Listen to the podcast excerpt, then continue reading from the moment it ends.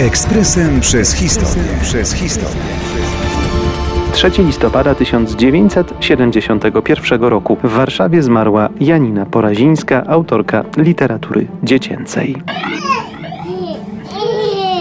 W Wojtusiowej Izbie był sobie król, czy też Szewczyk Dratewka należą do klasyki polskiej literatury dziecięcej. Kształtując dziecięcą wrażliwość i wyobraźnię, wychowały kilka pokoleń Polaków. Ich autorką jest urodzona w Lublinie Janina Porazińska, jedna z czterech dam literatury dla dzieci. Od roku 2009 pamiątkowa tablica umieszczona na ścianie rodzinnego domu na Starym Mieście w Lublinie przypomina jej osobę i twórczość.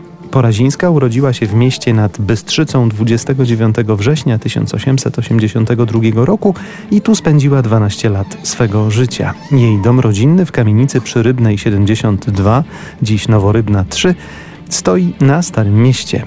Rodzina Porazińskich zajmowała obszerne mieszkanie na pierwszym, wówczas ostatnim piętrze kamienicy.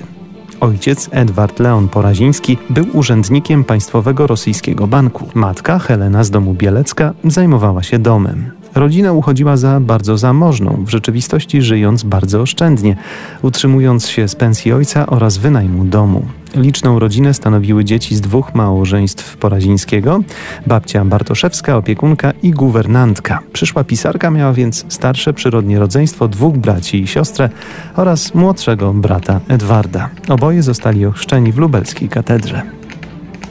Z poddasza kamienicy roztaczał się malowniczy widok na nadbystrzyckie łąki. W pamięci pisarki zachowały się spacery i zabawy w ogrodzie saskim, a także turkocące dorożki na Starym Mieście. Rodzinne wieczory spędzone w jadalni, czy obchody przez żydowskich sąsiadów święta Kuczek na podwórzu kamienicy. Do najcenniejszych wspomnień porazińskich należą dwa występy Heleny Modrzejewskiej na deskach Teatru Miejskiego w roku 1891.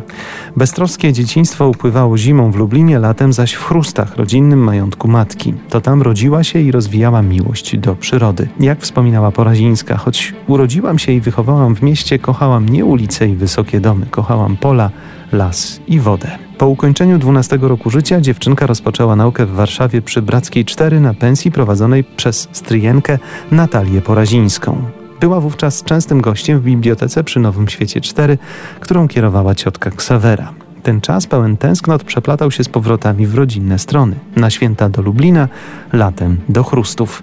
Po ukończeniu gimnazjum w Warszawie rozpoczęły się studia na Wydziale Matematyczno-Przyrodniczym UJ w Krakowie. Miastem, z którym związała się na stałe, była jednak Warszawa. Po wyzwoleniu Polski w roku 18 pracowała przez kilka lat w Ministerstwie Wyznań i Oświecenia Publicznego. W czasie II wojny światowej zajmowała się tajnym nauczaniem. Po upadku powstania warszawskiego, w którym straciła oko, znalazła się w obozie w Pruszkowie, a następnie na wsi koło Sochaczewa. Powróciła jednak do zburzonej Warszawy, pozostając w niej na zawsze. Porazińska mieszkała przez 10 lat na Żoliborzu, później na Powiślu, zaś pod koniec życia na Skaryszewskiej. Zmarła w roku 1971.